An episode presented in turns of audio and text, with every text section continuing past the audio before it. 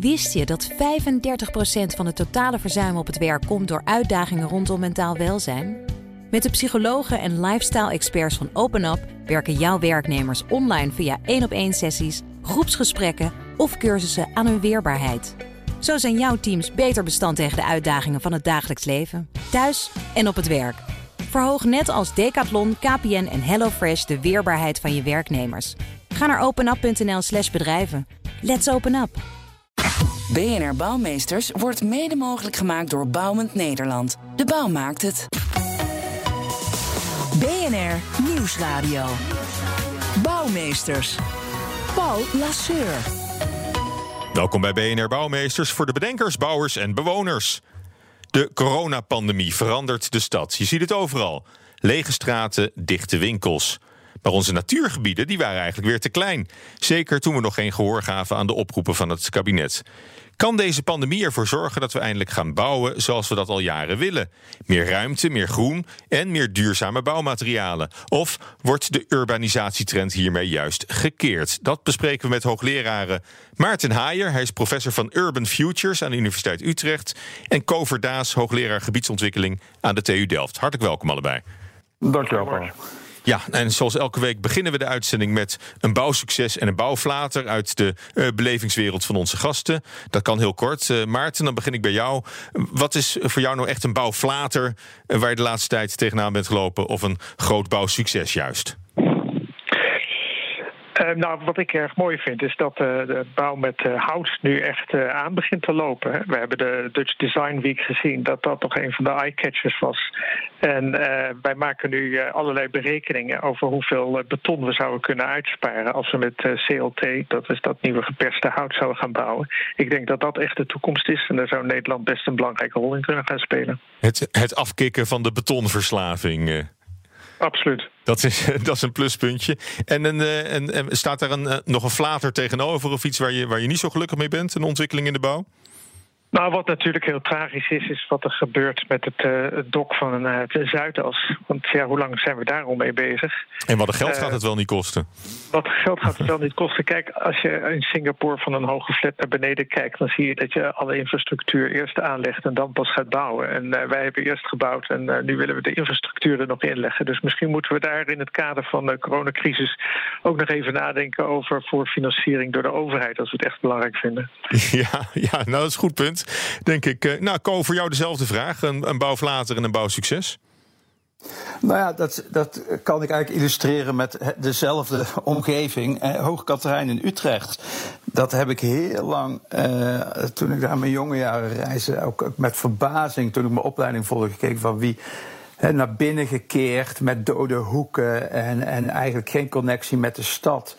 Eh, met alle ellende van dien ook. Dat lag niet alleen aan, aan de gebouwde omgeving hoor, met, met, met, met verslaafde zwervers, uh, criminaliteit, et cetera. En als je er nu loopt, dan ademt het, dan bruist het, dan leeft het. En je voelt meteen dat je in, in een hele prettige omgeving bent. Dus dat, dat illustreert volgens mij heel mooi hoe iets flater kan zijn en door een grondige, vakkundige, professionele aanpak ook een succes kan worden. Maar ook hoe, hoe conjunctureel en context bepaald het is wat we doen. Dus dat is misschien ook wel een mooi opmaat naar het gesprek wat we gaan krijgen. Want ooit vonden we het allemaal heel mooi. Ja, nou ja, goed. En dat is inderdaad waar we het vandaag dan over hebben. Hè? De effecten van, van een pandemie op, op een stad. Hè. We doen het in de vorm van een stelling. Pandemieën vormen een stad. Corona is goed voor onze planologie. Bent u het daarmee eens? Maarten. Nou, ik denk uh, dat het zo zou kunnen zijn. Kijk, we hebben een tijd veel te weinig aan planologie gedaan. Ik denk dat het uh, nu evident is dat we dat veel meer moeten gaan doen. Want laten we uh, niet alleen alles aan corona ophangen. Het punt is, we, we, laten ons iedere keer verrassen. Dus de eerste is er een woningtekort, dan gaan we bijbouwen. Dan zijn de files, dan gaan we wegen aanleggen. Dan is er stikstof, dan stopt alles weer. En nu is er corona.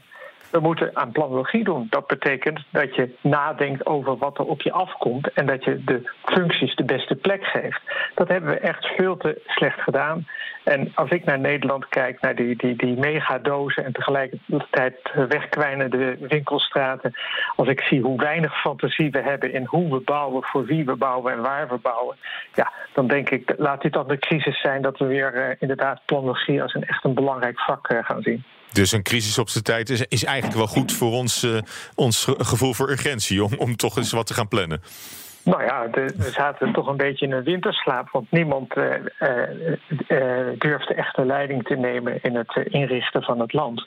En ik denk dat dat uitermate noodzakelijk is.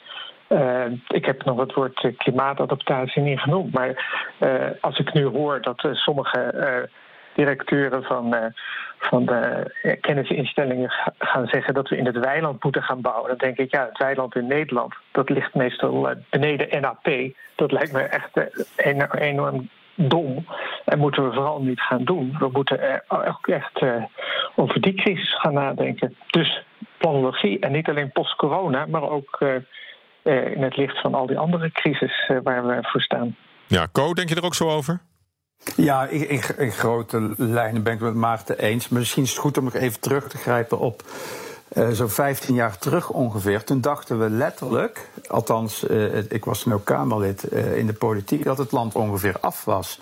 dus zou nog een beetje onderhoud, een beetje oplussen, omvormen van ruimtes. En dat was het dan wel ongeveer. En toen woorden als circulaire economie, klimaatadaptatie, energietransitie, die kwamen toen letterlijk niet in ons vocabulaire voor. Althans, in sommige niches wel, maar niet in de mainstream. En nu zie je dat er dus ja, de, de, de functies vechten weer om voorrang. Uh, en ik ben het met Maarten eens, een crisis moeten we vooral aangrijpen om te gaan doen wat toch al nodig was. Weer goede afwegingen maken. Uh, en, en, en op waarde schatten welke functies dan de ruimte gaan krijgen. En hoe we dat zo, zo duurzaam en robuust mogelijk doen. Waarbij ik wel altijd, maar dat is mijn bestuurlijke achtergrond, ook uh, aansnijdt van ja, het is, er is geen objectief beste ruimtelijke ordening. Dus het is ook een, een strijd tussen belangen die om voorrang strijden.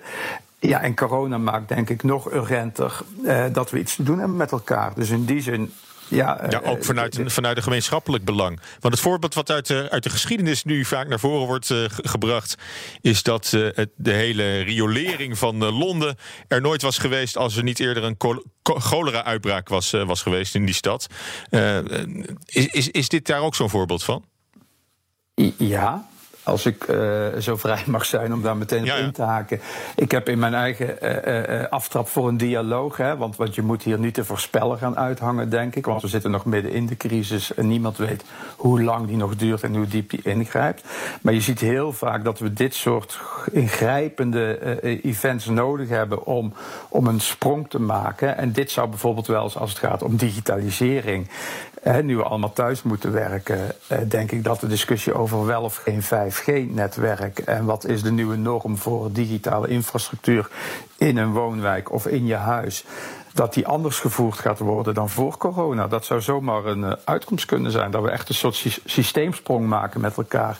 En digitaal zorgen dat het op orde is. En we minder uh, uh, ons hoeven te verplaatsen. Ik hoor heel veel mensen om me heen zeggen ja, hoeveel tijd was ik nou eigenlijk bezig met me verplaatsen, die ik nu anders invul. En we zullen ons blijven verplaatsen hoor, maar misschien toch in een andere balans. Je weet het niet, maar het zou een uitkomst kunnen zijn. Dus in die zin is uh, digitalisering of een digitale infrastructuur eigenlijk wat, uh, wat destijds in Londen de sanitaire infrastructuur betekende. Nou ja, je zou kunnen zeggen, uh, het riool van Londen zou wel eens het digitale netwerk na corona kunnen zijn. Oké. Okay. Nou ja, uh, ik ga naar de volgende stelling. Deze coronapandemie is de katalysator voor het ontwikkelen van parksteden. Steden met grote, groene, openbare ruimtes. Bent u het daarmee eens of oneens? Ik begin bij jou, Co. Ja, laat ik het zo zeggen, je hoort mijn aarzeling, hè? Uh, maar dan moet het wel vanuit de goede motieven gebeuren. En uh, ik ervaar zelf al langere tijd, omdat ik op een gegeven moment de keuze heb gemaakt vanuit de stad naar buiten te gaan wonen, wat dat met je doet in je hele mens zijn, maar ook in je verbinding met. Met, met, met de natuur. Hè. En dat klinkt dan misschien een beetje pathetisch, maar, maar zo ervaar ik het wel. Je gaat dan ook anders kijken als je je boodschappen doet, als je je consumentenkeuzes maakt. Dus je, je voelt veel meer de verbinding met je eigen handelen en wat het met de grotere omgeving doet. En bij mij, ik ben ook opgeleid met hè, we moeten, we moeten zuinig met de ruimte zijn en zoveel mogelijk aan OV-knooppunten. En daar ben ik ook allemaal voor. Maar die andere kant, die belichten we te weinig. Het ontspannen wonen in een ontspannen omgeving met veel groen en blauw en, en recreatie en uitloopmogelijkheden. Dat brengt veel meer dan alleen dat we dan ruimte inleveren die we niet voor iets anders kunnen benutten. Dat brengt ook een andere relatie tussen het mens zijn zeg maar, en, en je directe omgeving. Dus dat gaat om veel meer. En ik hoop dat daar nu veel meer aandacht voor komt. En dat het niet alleen een Excel-sheet wordt met grondexploitaties, maar ook gewoon het menselijk welbevinden. Dat dat ook onderdeel wordt van die afweging hoe we onze omgeving gaan inrichten. Maar dat is een heel gevoelig discours in ons vakgebied. Daar weet Maarten alles van. Want zo gauw je zegt, we moeten niet alleen maar verdichten en stapelen, dan ben je voor een deel uh, van, de, van de vakgemeenschap word je gewoon uh, geëxcommuniceerd. Ja, want Maarten, jij doet onderzoek naar healthy urban living. We zagen het ook in de coronacrisis toen nog niemand naar het RIVM luisterde. En toen waren de parken en de natuurgebieden ineens overvol. En wij maar denken dat daar alle ruimte was uh, voor iedereen. Hoe, hoe, hoe, gaan we, hoe gaan we daarmee om? Nou, ik denk dat je wat dat betreft uh, uh, nu wel ziet uh, dat we ook gewoon in de, in de straten een andere keuze willen maken. Als je kijkt op dit moment op de sociale media, dan zie je in steden als Londen, Sydney, New York allemaal calls. waar mensen zeggen: Oké, die anderhalve meter moeten we, we moeten nu social distancing doen. Waarom staan die auto's in onze straat?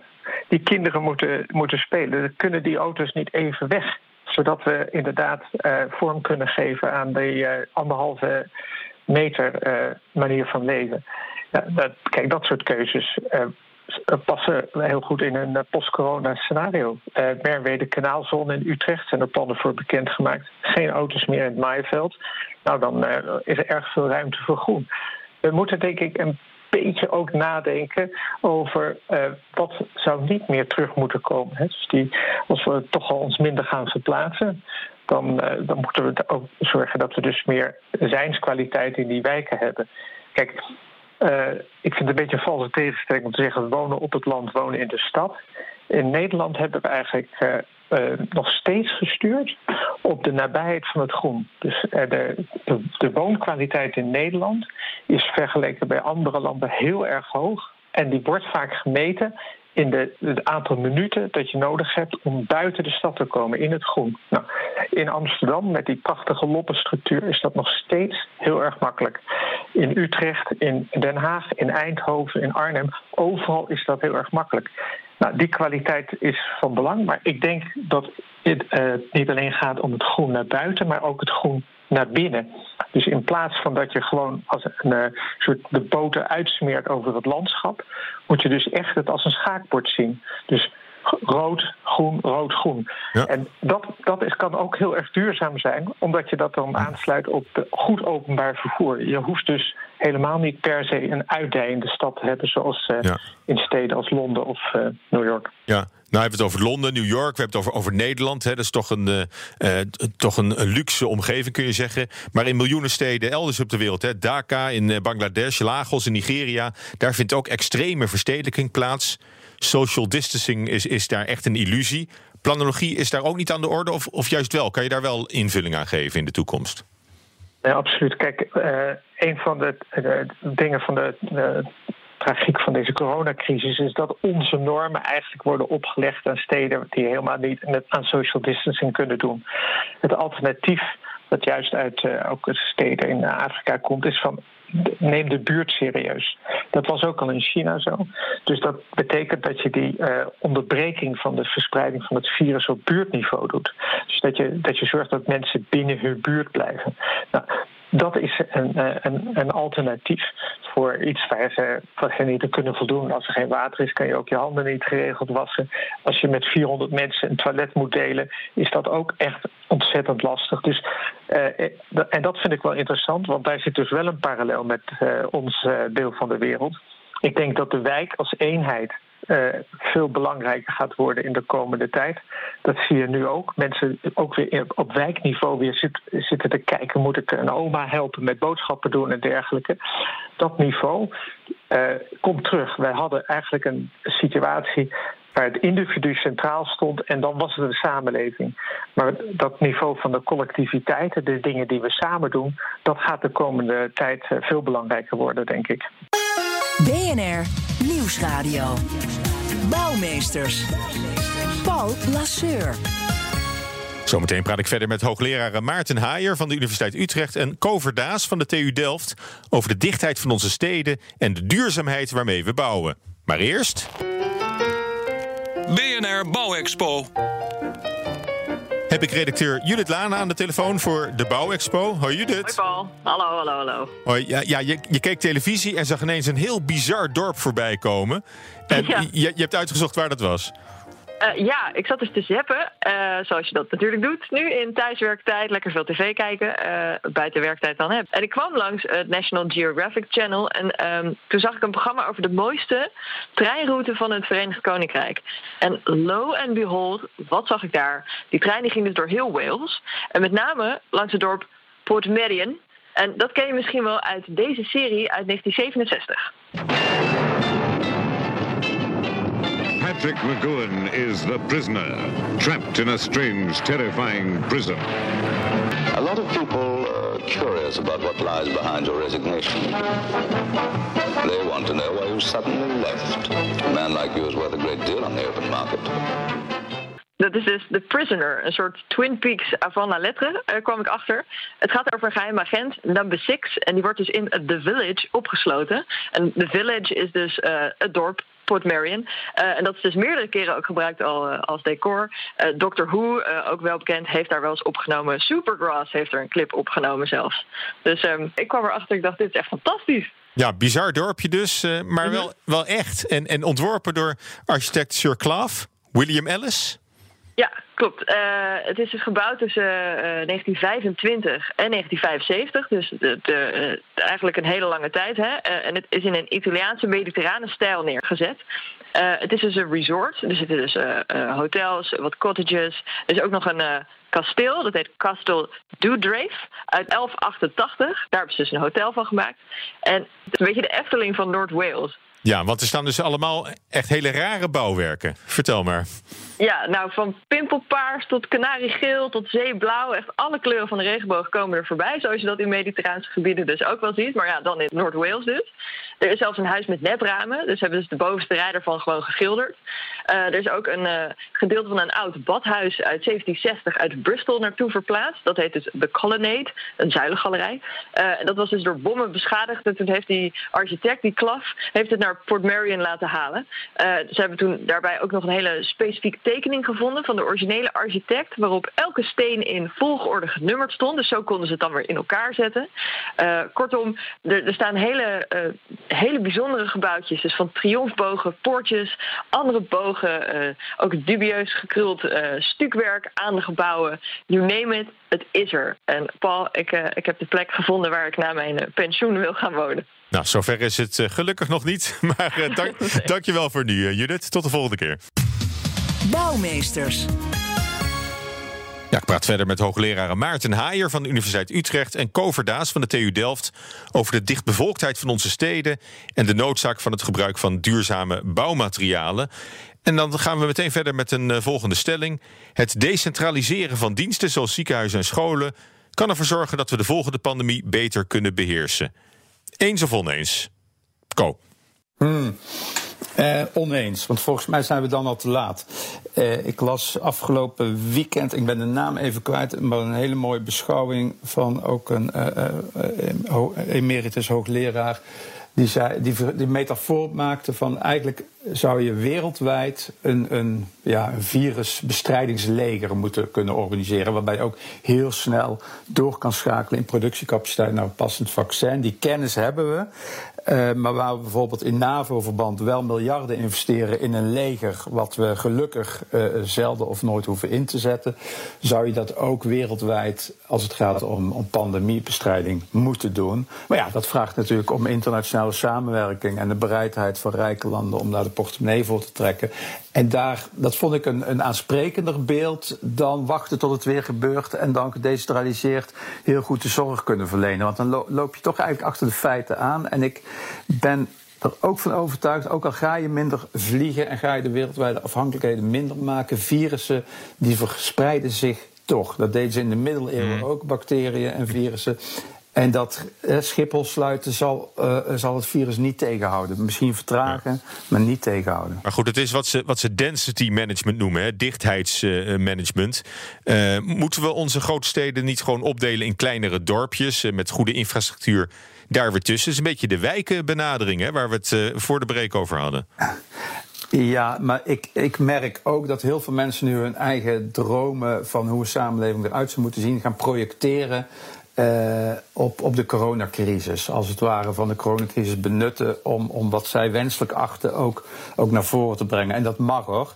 Maar ik geloof niet dat een wijkindeling uh, helpt bij het bestrijden van het virus. Hmm. Ja, maar goed. ik ben geen viroloog, zeg ik. Nee, nee goed. Ook, ook geen econoom, uh, begrijp ik. Maar uh, ook de, de economie van, van, van, van een wijk, van een stad, is ook wel bepalend natuurlijk. Ja, maar we kunnen niet ontkennen. Er is een heel beroemd filmpje ook van uh, iemand die besluit van ik ga mijn eigen broodrooster maken. En dat is voor mij een metafoor van hoe onze wereld inmiddels in elkaar zit. Dan ben je, uh, uh, zeg maar, tien maanden verder en, en, en, en heel veel uh, research. En dan kun je inderdaad voor een prijs die het duizendvoudige is je eigen broodrooster maken. Maar het liet vooral zien dat onze economie zo verweven is uh, en een stukje minder verweven, dat lijkt nu een heel aantrekkelijke optie. Met nog allereerst de vraag: helpt dat bij het voorkomen van een nieuwe pandemie? Maar ook de ontkenning dat het een, een, een teken van beschaving is als je zo verweven bent. Hè? Dus je zou ook kunnen zeggen: we moeten nog meer verweven worden, maar wel met respect voor een aantal randvoorwaarden die, die onze planeet ook meegeeft. Namelijk dat bronnen niet oneindig zijn, mm. dat we moeten koesteren wat we aan natuurlijk kapitaal hebben. En dat we, als het gaat om, om virussen voorkomen, dat er andere manieren zijn om dat te detecteren en, en op te lossen. In plaats van te, pas in actie te komen als het zover is. Dus het, nou, en ik, ik, ik, ik, proef bij mezelf de neiging om niet te snel in voorspellingen of oplossingen mhm. te denken, maar eerst maar eens goed snappen hoe zit het nu in elkaar. Dat vind ik ook een taak van de wetenschap. en het heeft ons ook heel veel gebracht. Ko, sorry, de, de volgende stelling sluit er ook op aan. Die leg ik dan aan Maarten voor. Um, en het gaat over, over die duurzaamheid, hè, waar, je, waar je het ook over had. Hoe duurzamer we bouwen, hoe beter we de volgende pandemie aan zullen kunnen. Is, is daar een verband, Maarten? Uh, ik, ik ben toch een beetje geneigd om ietsje afstand te nemen van, uh, van die corona. Uh, kijk, het, het, zal zo zijn dat we na deze crisis een reactie krijgen. Er zal een pandemie-organisatie komen. En die zal zorgen voor betere coördinatie in het geval dat er zich een volgende pandemie voordoet. Maar volgens mij is onze taak om na te denken in bredere zin over onzekerheden en over kwetsbaarheid. En uh, in dat opzicht zou ik zeggen, hebben wij een samenleving georganiseerd met die just-in-time productie, waarbij alles zo werd uitgenut. We steeds tot op het randje alles hebben geprobeerd. Dat alle veerkracht uit dat systeem is. Kijk nou naar de stikstofproblematiek. We hebben de wetenschap ingezet om zo precies mogelijk te berekenen hoe ver we zouden kunnen gaan totdat de natuur om zou vallen. Ja, daar is A, de wetenschap helemaal niet toe geëquipeerd. En B, misschien die samenleving helemaal niet bij gediend. We moeten zorgen dat die veerkracht in dat systeem zit voor iets wat onverwacht komt. Hè? Dus dat nu hebben we een pandemie gehad, de volgende keer komt iets anders. En uh, dat is een andere economische orde. Laten we niet vergeten dat in heel veel van de modellen die economisch worden gebruikt, zitten dit soort dingen helemaal niet. Daar wordt alleen maar geoptimaliseerd op efficiëntie. En dat soort modellen zijn inherent kwetsbaar. We moeten dus die uh, die redundantie heet dat in de complexiteitswetenschap, die moeten we als iets positiefs gaan waarderen. Want dat is een soort buffer die je kan beschermen tegen uh, uh, onverwachte events. Ja, dus in die zin is klimaatadaptief bouwen wel, wel relevant. Ook, ook voor de toekomst, maar, maar niet alleen. Je, wil meer aangeven, we moeten meer naar een ademende economie toe, naar een ademende samenleving. Ja, en eentje waar je ook een beetje weet hoe je, waar, die, die het je mogelijk maakt om te reageren op onverwachte dingen. En dan zijn er natuurlijk wel een paar zaken die overeind blijven. Dus voor een pandemie is het dus van belang dat er wat ruimte om de woningen zit. En uh, dat is voor, uh, voor klimaatverandering natuurlijk ook zo. Hè. Kijk, in het Engels heb je koele steden, maar in Nederland hebben we natuurlijk vooral koele steden nodig. uh, waar, je, waar je, als het echt weer warm wordt, ook verkoeling kan vinden. Want niet iedereen kan natuurlijk uh, landelijk gaan wonen. Uh, Zoals, zoals Co. En, nou, dat is, ja, Co, ik, ik, ik, ga, ik ga meteen naar jou door. Want laat deze coronapandemie de revanche van de suburbs zien. Hè? Mensen die toch weer buiten gaan wonen, zoals, zoals jij. En ik ook trouwens. Ik ben twee jaar geleden naar een boerderij vertrokken. Nou ja, dat, dat hoeft niet meteen te vertalen in uh, uh, exclusief buitenwonen. Maar het weer veel meer in verbinding zijn met je omgeving. En daar ook letterlijk je in kunnen bewegen op, op een prettige manier. Dat vergt, en, en, en daar vinden Maarten en ik elkaar denk ik wel, dat vergt wel dat je groen en, en blauw en stad veel meer in samenspel laat zijn. En, het, en de dichotomie tussen je woont in de stad of daarbuiten, dat is zeker in Nederland is dat een veel uh, genuanceerder verhaal. En ik denk dat we die nuance weer moeten gaan terugvinden. Wat, uh, want dat doen we ook in onze, in, in onze grondexploitatie, in onze modellen. Daar rekenen we ook gewoon met kostenbaten op een bepaalde uh, afschrijvingstermijn. En je zou ook de maatschappelijke baten van een ontspannen woonomgeving. Dat is ook een vorm van resilience. Hè. Dan doorsta je een crisis beter. Is het makkelijker om ook mee te bewegen met events. Of het nou klimaatadaptatie is of een pandemie die zich aandient. Uh, en die zitten niet in onze modellen. En misschien moet je dat ook allemaal niet willen dichtrekenen. Maar het is wel een appel om op een andere manier weer naar je omgeving te gaan kijken. En die andere kwaliteiten ook letterlijk op waarde te gaan schatten. En dat doen we nu denk ik te weinig.